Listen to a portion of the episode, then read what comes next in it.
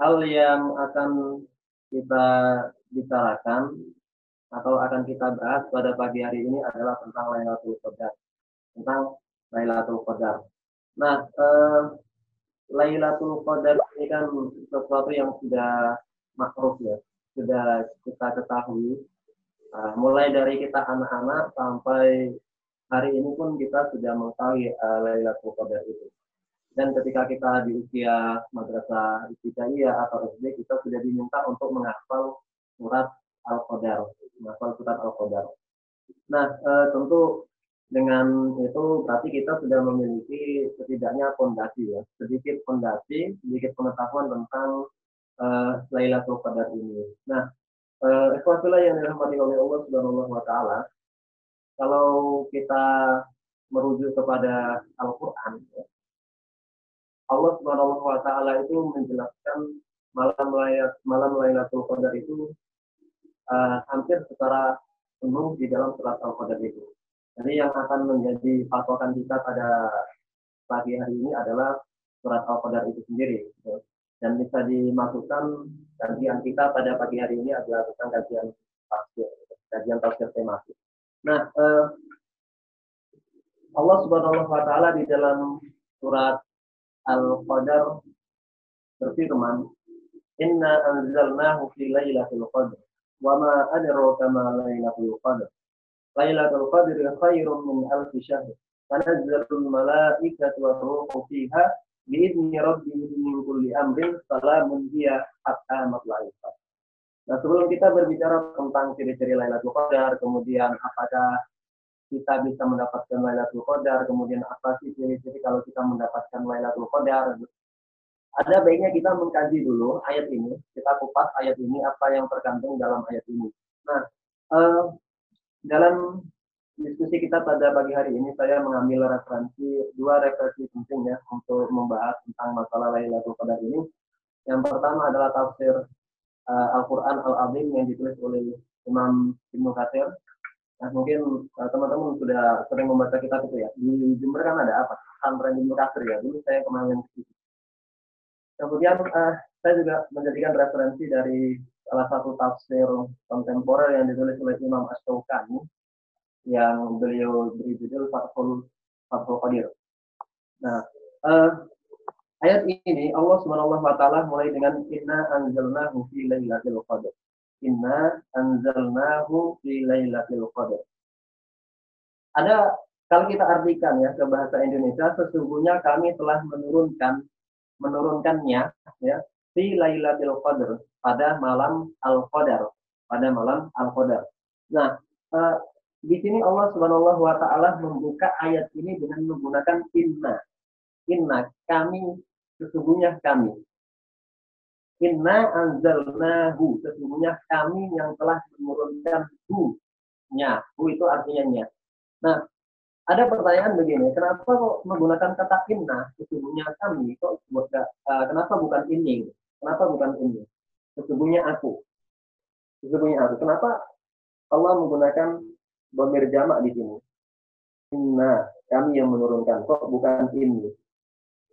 Nah, uh, Ikhwatillah yang dirahmati oleh Allah ya.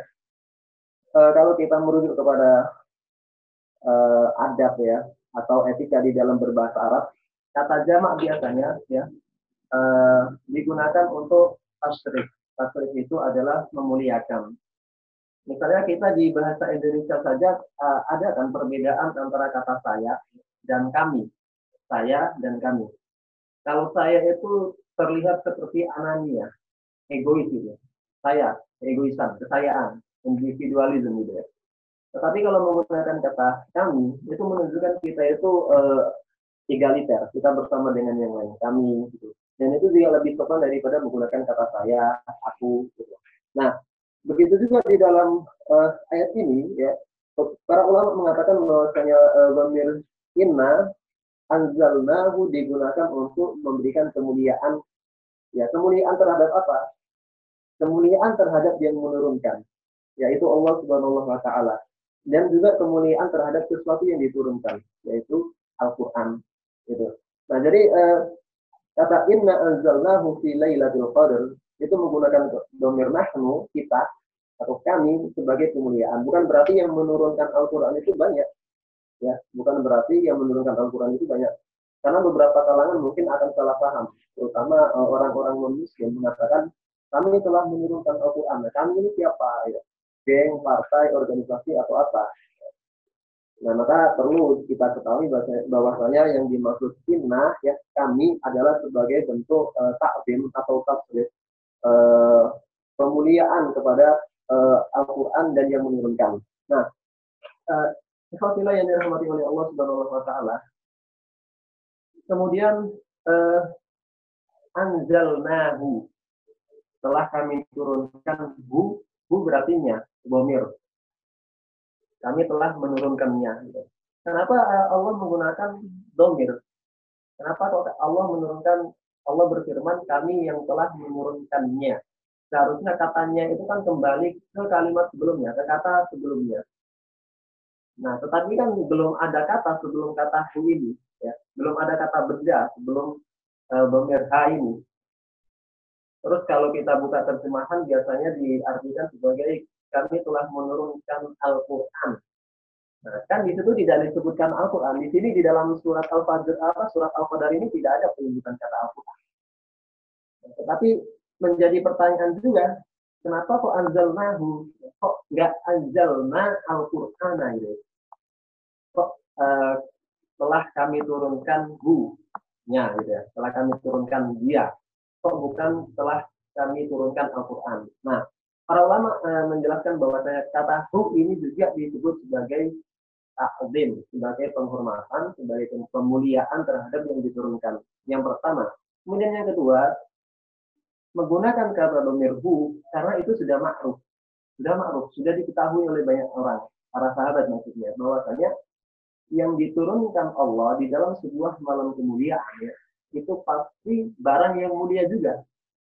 Barang yang mulia juga itu fi lailatul qadar di malam al qadar nah eh yang dirahmati oleh Allah Subhanahu wa taala di ayat yang pertama ini kita mengambil beberapa faedah begini yang pertama inna telah kami turunkan dalam artian bahwasanya yang menurunkan Al-Quran itu adalah zat yang paling mulia. Zat yang paling mulia. Anzalnahu Kemudian yang diturunkan itu juga sesuatu yang sangat mulia. Bu, kembali kepada Al-Quran.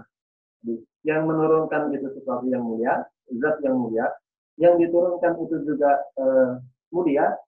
Fi Lailatul Qadar, di malam Al-Qadar. Di malam Lailatul Qadar yang juga sama-sama mulia. Nah, jadi ini adalah uh, nikmat uh, keberkahan atau rahmat yang Allah berikan kepada umat Nabi Muhammad SAW dengan Al-Quran sering kita dengar ceramah-ceramah yang membahas tentang uh, sesuatu apa pun yang berhubungan dengan Al-Quran pasti mulia. Ya, sesuatu apa pun yang berhubungan dengan Al-Quran pasti mulia. Allah menurunkan Al-Quran di malam Lailatul Qadar sehingga malam itu menjadi malam yang paling mulia. Allah menurunkan Al-Quran kepada seorang nabi yang dengan Al-Quran itu nabi itu menjadi nabi yang paling mulia. Kemudian Al-Quran menurunkan atau Al-Quran diturunkan dengan bahasa Arab sehingga bahasa Arab menjadi bahasa yang paling mulia. Dan Al-Quran diturunkan ke Jazirah Arab, ya, ke bangsa Arab, menjadikan bangsa Arab mendapatkan kemuliaan yang tidak didapatkan oleh bangsa-bangsa yang lainnya. Nah, itulah uh, kemuliaan yang Allah berikan di dalam Al-Quran. Sehingga apa pun yang mengikuti Al-Quran itu pasti memiliki kemuliaan. Allah akan mengangkat derajat orang-orang yang uh, berinteraksi dengan Al-Quran. Bahkan di dalam salah satu hadisnya Nabi Shallallahu Alaihi Wasallam menyebutkan aslul Quran itu adalah kekasih Allah dan khasatuhu keluarganya Allah. Gitu ya. Jadi memang uh, Al-Quran ini dijadikan salah satu uh, wasilah untuk memberikan kemuliaan dan uh, ketakdiman terhadap sesuatu yang meliputi Al-Quran tersebut. Nah, um, teman-teman yang saya muliakan ya. Kemudian uh, mungkin juga kita bertanya-tanya, Lailatul Qadar, apa sih yang dimaksud dengan Lailatul Qadar dalam uh, dalam arti bahasa? Uh, secara bahasa Lailatul Qadar itu apa ya? Nah, seperti itu. Nah, uh, Al Qadar itu banyak sekali ulama berbeda pendapat tentang asal kata al-qadar. Ya, para ulama berbeda pendapat tentang uh, makna kata al-qadar. Ada yang mengatakan al-qadar itu berarti at-taqdim, ya, atau memuliakan atau mengagungkan.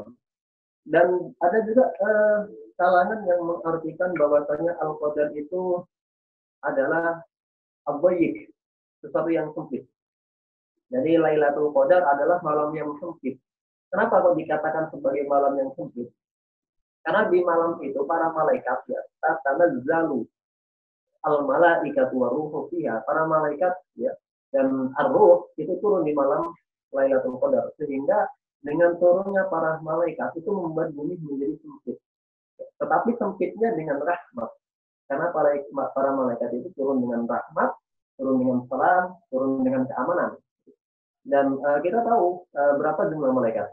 Ya, kalau uh, kalau kita baca di akidah-akidah yang misalnya di akidah awam, kemudian di kitab-kitab akidah yang lain, kita wajib mengimani adanya uh, 10 uh, nama malaikat yang disebutkan Allah Subhanahu wa taala ya. Tetapi jumlah malaikat itu lebih dari 10. Ya, jumlah malaikat itu lebih dari 10. Di Sidratil Muntaha atau di Baitul Izzah Para malaikat itu memiliki masjid yang masjid itu setiap hari dimasuki oleh 70 ribu malaikat. Dan setiap kali malaikat yang sudah pernah masuk ke masjid itu, tidak akan pernah kembali lagi masuk ke masjid itu. Antum bayangkan, eh, 70 ribu malaikat, mulai dari penciptaan malaikat sampai hari ini, itu berapa miliar malaikat, berapa juta miliar malaikat. Nah itu katanya zalu alai, katanya zalul malaikat pada malam Lailatul Qadar itu turun para malaikat. Sehingga membuat uh, bumi ini dilingkupi oleh kerahmatan oleh Allah Subhanahu wa taala. Dilingkupi uh, keamanan, kesalaman. Bahkan uh, di dalam tafsir Ibnu Katsir, beliau menyebutkan bahwasanya jumlah malaikat ada pendapat yang kemudian beliau nukil bahwasanya malaikat atau jumlah malaikat yang turun ketika malam Lailatul Qadar itu sejumlah al-hasso, sejumlah kerikil yang ada di bumi. Jadi kalau mau kita hitung berapa jumlah malaikat yang turun di malam Lailatul Qadar, coba kita hitung uh, yang ada di depan rumah kita. Kita ngitung kerikil satu apa satu atau aja kita nggak bisa, apalagi kita menghitung semua skill. Nah mungkin ada pertanyaan begini, ah, mana mungkin uh, malaikat turun dengan jumlah banyak kerikil di yang ada di dunia ini? Pasti buminya nggak muat pasti buminya nggak kuat atau pasti malaikatnya kecil-kecil. Eh, ini ini kan pertanyaan biasanya pertanyaan yang muncul dari kalangan yang eh, terlalu menggunakan filsafat materialisme. Terlalu menggunakan filsafat materialisme. Padahal ini adalah bagian dari filsafat metafisika. Ya. Nah, eh, filsafat metafisika itu kan sesuatu yang menjadi sesuatu yang hanya dicepat-cepat oleh para uh, filosof, para filsuf ketika mereka membahas tentang filsafat ya. Ketika mereka membahas tentang uh, filsafat yang berhubungan tentang uh, metafisika mereka tidak bisa mendefinisikan secara pasti apa yang sedang mereka bahas sebagaimana mereka uh, membahas tentang filsafat yang berhubungan tentang dengan logika atau dengan matematika atau dengan uh, biologi gitu. Nah oleh karena itu uh, secara metafisik itu adalah sesuatu hal yang mungkin ya suatu hal yang mungkin. Nah itu juga salah satu uh, kemuliaan di malam Lailatul Qadar. Kemudian ada juga yang menafsirkan bahwasanya uh, dinamakan malam Lailatul Qadar itu karena Allah Subhanahu wa taala menetapkan berbagai macam uh, dan qadar beliau ya dan apa istilahnya menetapkan ketetapan untuk satu tahun itu ya jadi setiap tahun Allah menetapkan ketetapan ya istilahnya merancang APBN atau apa gitu ya buat GBHN uh, eh, di dalam malam Lailatul Qadar gitu ya. di dalam malam Lailatul Qadar itu juga pendapat yang demikian. Tetapi ala kulli hal yang dinamakan dengan Lailatul Qadar adalah sebuah malam yang mulia sebuah malam yang mulia. Kalau ditanya kenapa kemuliaan itu ada di malam Lailatul Qadar itu kok nggak ada di malam-malam yang lainnya, maka bisa kita jawab bahwasanya kemuliaan malam Lailatul Qadar berhubungan dengan kitab yang paling mulia yaitu Al-Qur'an Al-Karim. Nah, eh, Alhamdulillah yang dirahmati oleh Allah Subhanahu wa taala. Selanjutnya eh, ayat yang kedua Allah Subhanahu wa taala menyebutkan wama adraka wama adraka ma lailatul qadar. Allah bertanya dan apakah yang kamu ketahui tentang Lailatul Qadar? Apakah kamu mengetahui tentang malam Lailatul Qadar? Nah, Nah, teman-teman bisa lihat di dalam Al-Quran itu, biasanya ada beberapa kata yang digunakan untuk uh, dua pertanyaan. Digunakan untuk bertanya. Misalnya di ayat ini Allah menggunakan ma adroka, apa yang kamu ketahui. Ini menggunakan fi'il apa? Teman-teman yang nanti di Ibnu Kasir, mungkin pernah belajar sorof ya. Uh, ini kan fi'il maldi, fi'il maldi. Adro, adro yudri. Adro itu uh, telah diketahui. Apa yang telah kamu ketahui gitu, dalam artian bahasa kita. Nah, uh, di dalam Al-Quran, kalau Allah Ta'ala menggunakan redaksi adroka, pasti setelah ayat itu ada jawaban. Ada jawaban. Ya, kalau ditanya uh, apa yang kamu ketahui tentang bola bola lampu misalnya, kalau menggunakan bahasa Arab, ma adroka bil misbahi, ma adroka bil misbah. Apa yang kamu ketahui tentang uh, lampu itu? Maka kalimat selanjutnya pasti al misbahu dua gitu. Lampu itu begini, begini, begini, begini. Nah, artinya di dalam Al-Quran kalau menggunakan redaksi adro, pasti setelah, setelah ayat itu disebutkan, dijelaskan rincian atau dijelaskan definisi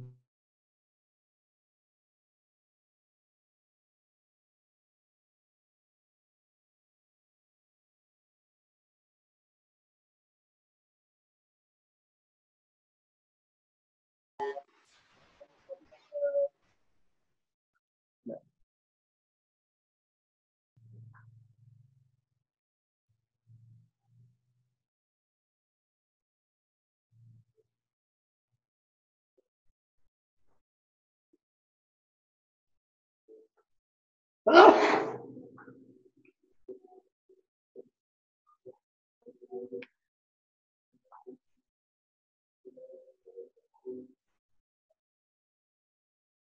uh, kita lanjut.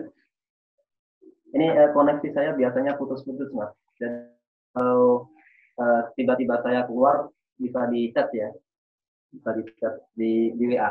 Gitu. Uh, kita lanjutkan.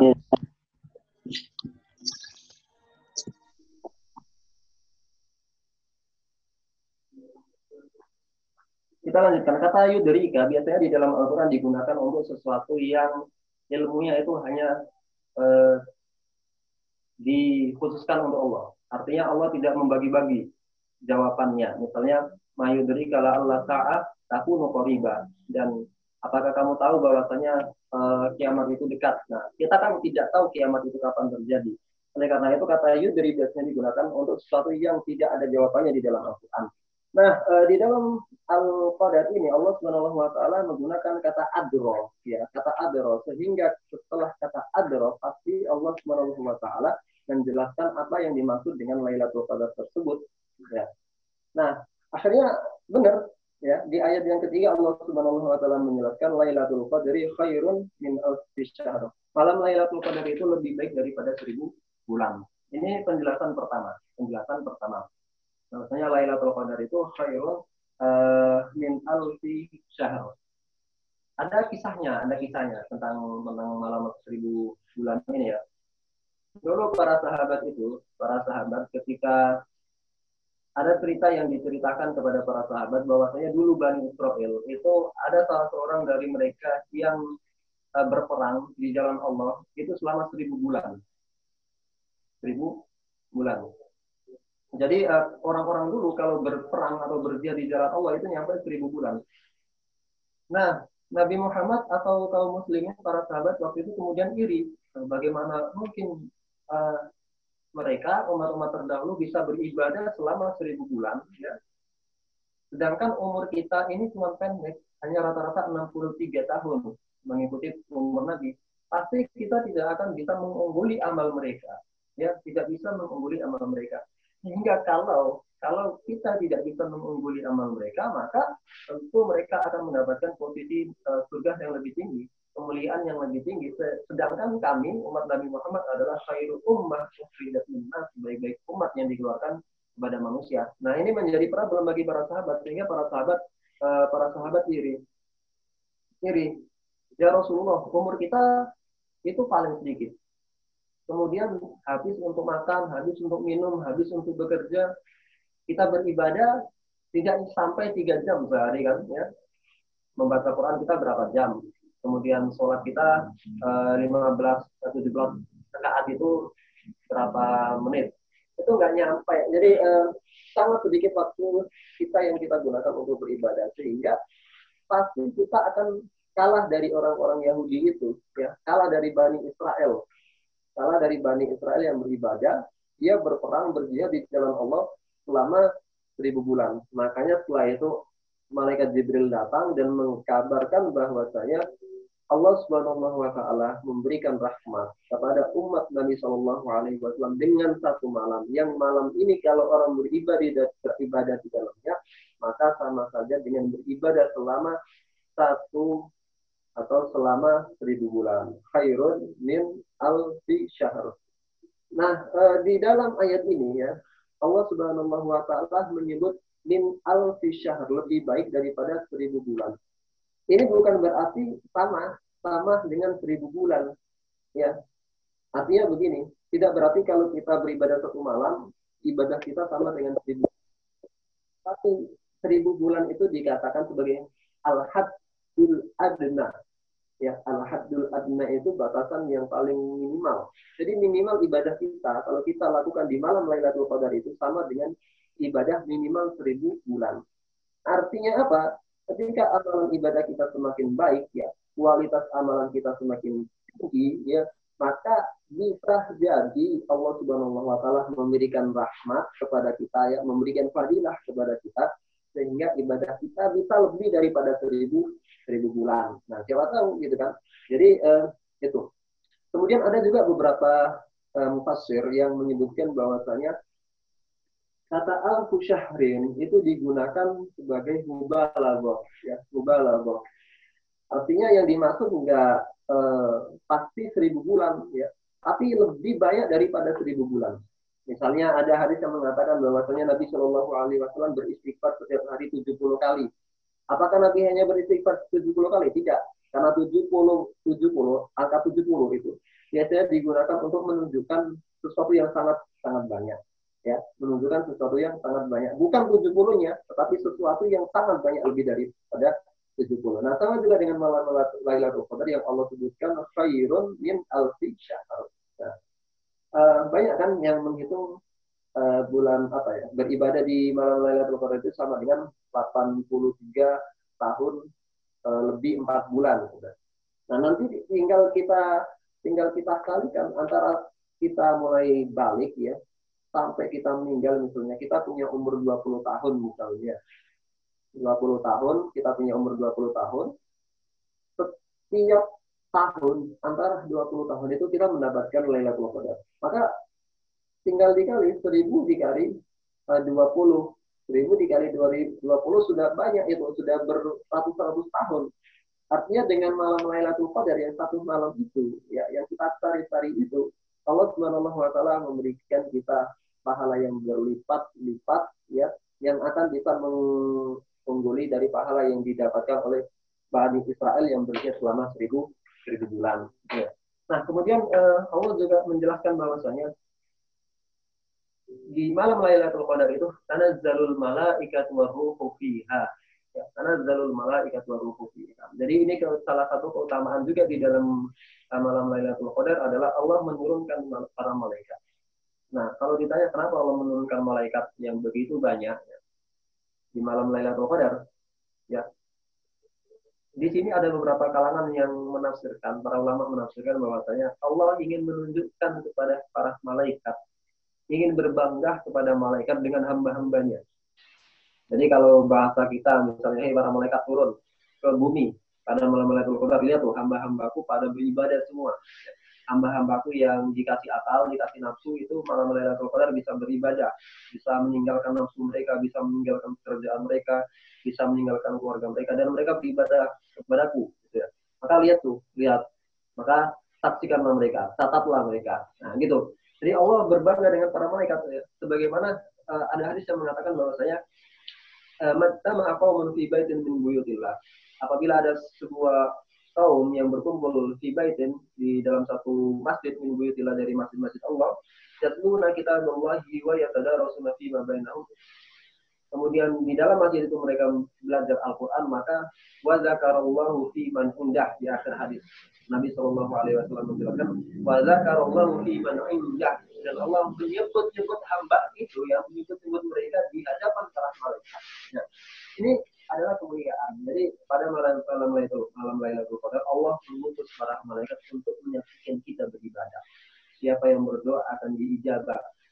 Siapa yang memohon ampun akan diampunkan Siapa yang memohon dimudahkan akan dimudahkan.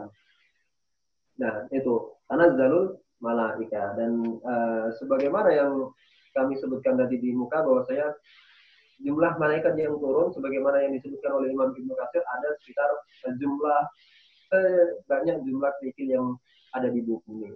Itu. Kemudian waruhu, waruhu ini jumhur mufassirin ya. Kebanyakan para mufassir mengatakan arruh itu adalah Jibril. Jadi Jibril itu kan sudah tidak sudah terputus wajibah dia ya pekerjaan Jibril itu sudah selesai ya pekerjaan utama Jibril sebagai pengantar wahyu kepada para nabi itu sudah selesai dan sebagai pemuliaan malam Lailatul Qadar Allah memerintahkan malaikat Jibril juga untuk datang ke bumi karena pada malam Lailatul Qadar itu berhubungan dengan Al-Qur'an, berhubungan dengan wahyu yang dulu ia diperintahkan menjadi perantara antara Allah kepada Nabi Muhammad Shallallahu alaihi wasallam.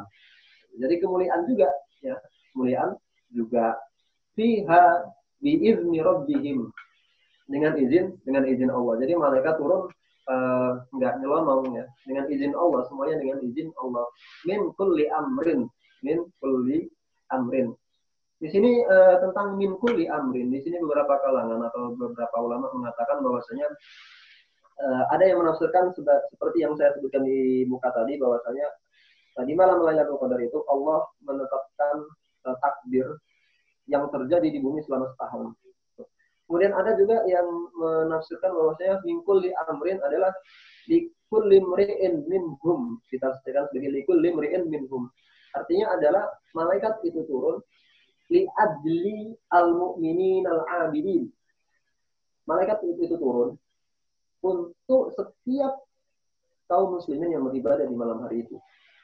Ya, jadi sengaja malaikat itu turun karena uh, orang ada orang yang beribadah, ada orang yang beribadah. Nah, salamun dia hatta matla'il fajar. Pada malam Lailatul Qadar itu diliputi dengan ketenangan, udaranya tidak panas, tidak dingin, sejuk, tidak ada hujan ya. Tadi malam di tempat saya ada hujan, berarti tadi malam tidak ada Lailatul Qadar gitu. Ya. Kemudian hatta matla'il fajr sampai um, terbitnya matahari. Nah, waktu malam Lailatul Qadar itu dimulai dari min ghurubi syamsi ila tulu'il fajri. Mulai dari terbenamnya matahari ya di maghrib ketika kita berbuka sampai kita selesai sahur atau dilarang untuk bersahur yaitu azan subuh. Jadi waktunya itu sangat panjang ya, sangat panjang. Dan eh, misalnya nih kita orang malas nih, kita orang malas. Tapi jangan ya. Misalkan saja kalau kita tidak tahajud, tidak qiyamul lail, cukup di malam Lailatul Qadar itu kita sholat maghrib berjamaah, sholat isya berjamaah, kemudian di antara maghrib dan uh, isya itu membaca Al-Quran, maka ibadah kita itu sudah sama dengan seribu bulan atau lebih. Tapi jangan berharap lebih dari seribu bulan ya. Kan cuman cuman apa? Cuman maghrib sama cuman isya itu sesuatu yang kita biasa lakukan. Tapi intinya adalah meskipun kita kita tidak bangun malam untuk beribadah tambahan, Allah sudah memberikan, sudah mencatat sholat maghrib kita dan sholat isya kita. Dan tilawah kita di antara maghrib dan isya itu sampai seribu seribu bulan. Gitu. Tapi ya jangan begitu ya kita tambahan kita tahajud apa apa atau itikaf tentang itikaf. Kebetulan di tempat saya masih bisa itikaf ya, masih bisa itikaf, masih bisa sholat tarawih berjamaah bareng ya. Dan mungkin di Jember juga sama ya. Meskipun di daerah saya ini kalau di kereta dari gugus Kabupaten Lamongan itu eh, wilayah saya kecamatan Solokuro itu sudah sudah merah juga ya, sudah merah. Di tetangga desa, di tetangga kecamatan sudah ada sekitar 11 ya. 11 kalau nggak salah yang positif COVID gitu ya. Tapi alhamdulillah tempat saya masih bisa datang ke masjid, masih bisa normal di masjid meskipun dengan social distancing, rock, uh, soft, sholat yang direnggang-renggangkan. Nah, itu adalah uh, surat Al-Qadar dan kita sudah selesai ya, kita sudah selesai membahas tentang surat Al-Qadar. Sekarang tentang waktunya ya, tentang waktunya. Ada perbedaan di kalangan para ulama. Apakah malam Lailatul Qadar itu hanya sekali saja? Ya, malam Lailatul Qadar itu hanya sekali saja. Tentu tidak. Tentu tentu tidak. Dan mayoritas mengatakan tidak. Artinya setiap tahun itu pasti ada malam Lailatul Qadar. Ada malam Lailatul Qadar. Nah, uh, tentang turunnya Al-Qur'an di malam Lailatul Qadar. Tadi kan kita bahasnya malaikat yang turun. Sekarang kita coba uh, lihat bagaimana Al-Quran itu turun di malam Lailatul Qadar. Ya. Ahimah kalau waktunya habis bisa diingatkan ya. Bisa diingatkan lewat chat WA bisa gitu. Ya. Oke. Okay. Nah, uh, tentang turunnya Al-Quran. Ada mungkin ada yang pertanyaan begini. Bukannya Al-Quran itu diturunkan tanggal 17 Ramadan ya kemarin nuzulul Quran ya. Bukankah Al-Quran itu diturunkan 17 Ramadan? Berarti seharusnya Lailatul Qadar itu juga diturunkan pada tanggal 17. Nah, kok kenapa Nabi Shallallahu Alaihi Wasallam itu memerintahkan di 10-10 akhir? Ya? Nah, proses turunnya Al-Quran sebagaimana yang diceritakan oleh uh, Abdullah ibnu Abbas radhiyallahu anhu ya, Al-Quran itu turun dua kali. Yang pertama dari level mahfud, ke bait ke langit dunia, ke sama dunia. Jadi dari lauhul mahfud ke sama dunia itu sekaligus 30 juz. Mulai dari surat Al-Fatihah sampai surat An-Nas dengan tertib yang ada di mushaf saat ini. Itu diturunkan sekaligus dari lauhul mahfud ke langit dunia. Itu pada malam Lailatul Qadar. Nah, di tahun ketika Nabi Shallallahu Alaihi Wasallam berusia berapa? 41 tahun ya. Setelah genap 40 berarti masuk 41 tahun Allah Subhanahu wa taala di gua Hira menurun Iqra bismi rabbikal ladzi khalaq khalaqal insana min 'alaq Iqra wa rabbukal akram alladzi 'allama bil qalam 'allamal insana ma lam ya'lam Lima ayat dari surat Al-Alaq ini Allah turunkan di tanggal 17 Ramadan, bukan di malam Lailatul Qadar.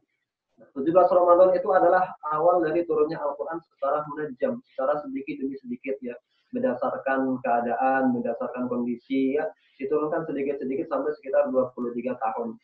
Mulai dari uh, Nabi di Mekah, 11 uh, berapa? 13 tahun di Mekah dan 10 tahun di Madinah. Ya, 23 tahun diturunkan secara sedikit demi sedikit. Itu dimulai dengan Iqra di tanggal 17 Ramadan, tetapi bukan menjadi malam Lailatul Qadar. Nah, kemudian uh, tentang di mana letak Lailatul Qadar ya. Uh, dulu Abu Dzar radhiyallahu anhu itu uh, pada apa ya? Kalau bertanya para sahabat itu kadang suka bikin suka aneh gitu ya. Ini beliau bertanya begini Abu Dhar kepada Rasulullah, "Ya Rasulullah, uh, akhbirni an Lailatul Qadar ya. Kabarkanlah aku kapan Lailatul Qadar itu?" Rasulullah mengatakan, uh, yang pertama Rasulullah menjawab, uh, Lailatul Qadar itu ada di bulan Ramadan. Ada di bulan Ramadan. Jadi yang pertama di, ada di bulan Ramadan. Kemudian Abu Dhar nggak terima istilahnya nggak terima. Ya kalau ngasih jawaban ya dalam hati mungkin ya, ya kita anggapan kita ya bahasa kita. Kok eh, nggak uh, dijawab ya kapan-kapan itu akhirnya beliau mengatakan 10 hari di awal dan 10 hari di akhir. Nah dicari-cari itu Abu Dhar uh, Lailatul Qadar itu di 10 awal atau 10 akhir. Artinya ada 20 hari. Nah Abu Dhar bertanya lagi dari 20 hari itu yang mana ya yang ya Rasulullah? Kemudian Rasulullah mengatakan ya dengan uh, nada apa ya dengan muka yang sudah mulai berubah Rasulullah disuruh ditarik di eh, tiga sepuluh terakhir dari bulan Ramadan ya artinya mulai tanggal 21 sampai 29 atau 30 Abu Dhar bertanya lagi antara sepuluh itu yang mana itu antara sepuluh itu yang mana Eh, kemudian Rasulullah mengatakan cari di tujuh terakhir. Cari di tujuh terakhir. Berarti kalau tujuh terakhir itu berapa? Mulai dari malam 24 ya. Mulai dari malam 24, 25, 26, 27, 28, 29. Itu masih ada tujuh, tujuh terakhir itu. Kemudian ada sahabat lain di riwayat yang lain, di riwayat yang lain mengatakan bahwasanya kalau kalian mencari laylatul uh, malam-malam ganjil di malam-malam ganjil. Artinya kenapa malam Lailatul Qadar itu disembunyikan agar kita lihat beribadah. Kalau Allah Subhanahu wa taala mengatakan di dalam Al-Qur'an secara jelas secara pasti malam Lailatul Qadar ada di tanggal 27. Pasti gitu di dalam Al-Qur'an. Maka nah santai aja lah kita nggak usah tarawih nggak usah apa nanti kita terawih beneran ya nanti di tanggal 27 sama, mulai isak sampai subuh kita terawih nggak uh, apa istilahnya nggak duduk-duduk itu akan terjadi ihmal kita akan menjadi orang yang malas gitu, menyebabkan kemalasan tetapi ketika Allah uh, menyembunyikan kapan malam Lailatul Qadar itu ya Allah Subhanahu wa taala menginginkan kita untuk menjadi hamba yang benar-benar menjadi seorang hamba yang ingin beribadah bukan hanya karena Lailatul Qadarnya itu tetapi kita beribadah agar Allah senang kepada kita, agar Allah senang ridho kepada kita. Ini tujuan tujuan ibadah yang tertinggi adalah bagaimana kita beribadah itu bukan menggugurkan kewajiban. Ya. Kalau hari ini kita masih beribadah karena menggugurkan kewajiban, kita mulai coba ke step yang lainnya, ketingkatan yang lainnya. Kita ibadah adalah agar Allah cinta kepada kita. Gitu. Agar Allah cinta kepada kita, agar Allah ridho kepada kepada kita. Urusan pahala, ya, kemudian urusan uh, apa-apa ya tentang pahala, ganjaran dan lain sebagainya itu kita serahkan kepada Allah. Karena warahmati wasiat syai'in kata Allah, rahmatku itu meliputi segala hal. Fadilah Allah itu meliputi segala hal. Ya. Kemudian uh, poin terakhir yang ingin saya sampaikan sebelum nanti kita tanya jawab adalah uh, salah satu indikator penting bahwasanya seorang hamba mendapatkan Lailatul Qadar adalah dia semakin semangat dalam beribadah ya, semakin giat dalam beribadah, semakin kuat dalam beramal soleh. Gitu. Semakin tahu bahwasanya uh, ibadah-ibadah kita di dalam Ramadan maupun di luar Ramadan adalah tugas kita sebagai seorang hamba untuk membuat Tuhan kita senang. Nah, uh, itu yang saya sampaikan pada kesempatan kali ini. Saya kembalikan ke Imat dan kalau ada di pertanyaan, ada pertanyaan bisa ditulis di chat atau bisa ditanyakan secara langsung. Assalamualaikum warahmatullahi wabarakatuh.